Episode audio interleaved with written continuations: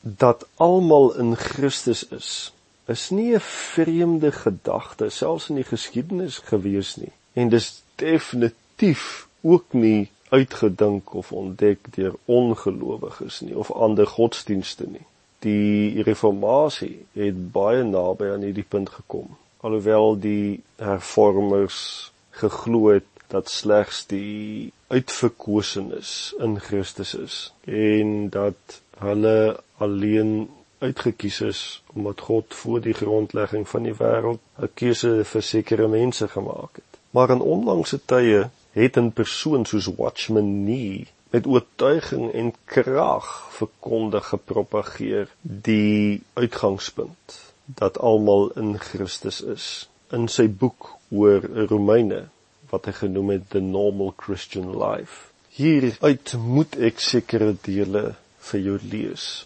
Hy skryf: "But how can we die? Some of us have tried very hard to get rid of the sinful life, but we have found it most tenacious. What is the way out?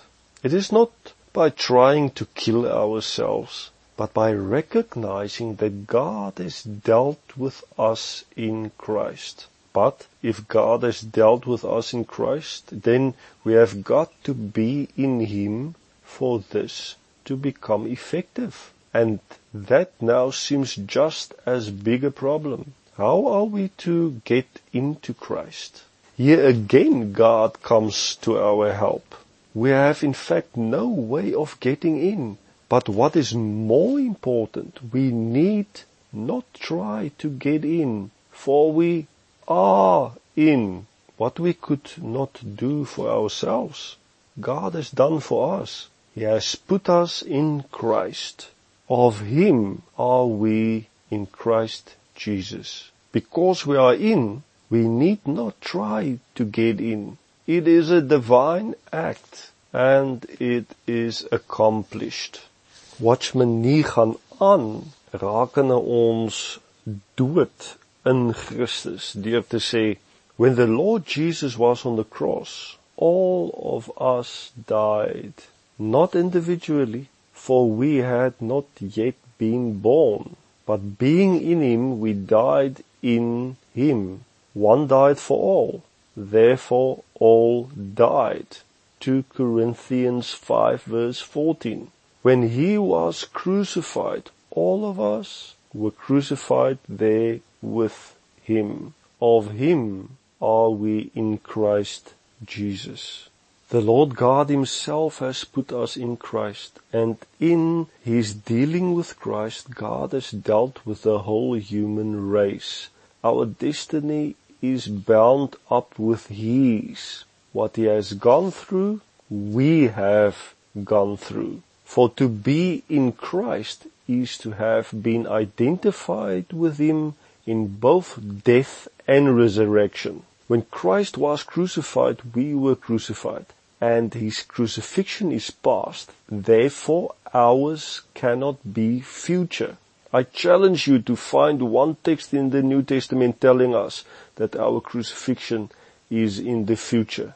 All the references to it are in the Greek aorist, which is the once for all tense, the eternally past tense. We see that in Romans 6, 6, Galatians 2 verse 20, Galatians 5 verse 24, Galatians 6 verse 14.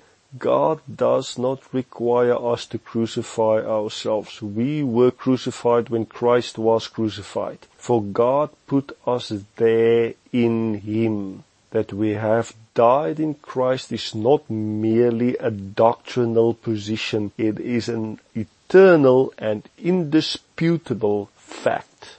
Hierdie pragtige woorde van Watchman Nee sal reeds gepubliseer in 1957. En ek wil nog een aanhaling doen wat hierdie punt dat ons ingesluit is in Christus se werk sterk na vore bring. It is the inclusive death of the Lord which puts me in a position to identify myself with Him. Not that I identify myself in order to be included. It is God's inclusion of me in Christ that matters. It is something God has done. The phrase in Christ are indeed the key to the entire message of the New Testament. The death of the Lord Jesus is inclusive. The resurrection of the Lord Jesus is alike inclusive. When the Lord Jesus was crucified on the cross, he was crucified as the last Adam. All that was in the first Adam was gathered up and done away in him. We were included there.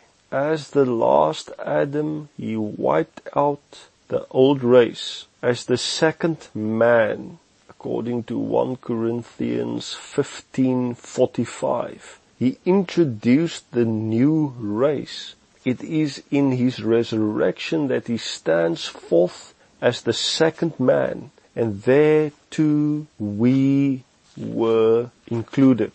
We died in him as the last Adam, we live in him as the second man. The cross is thus the mighty act of God which translates us from Adam to Christ.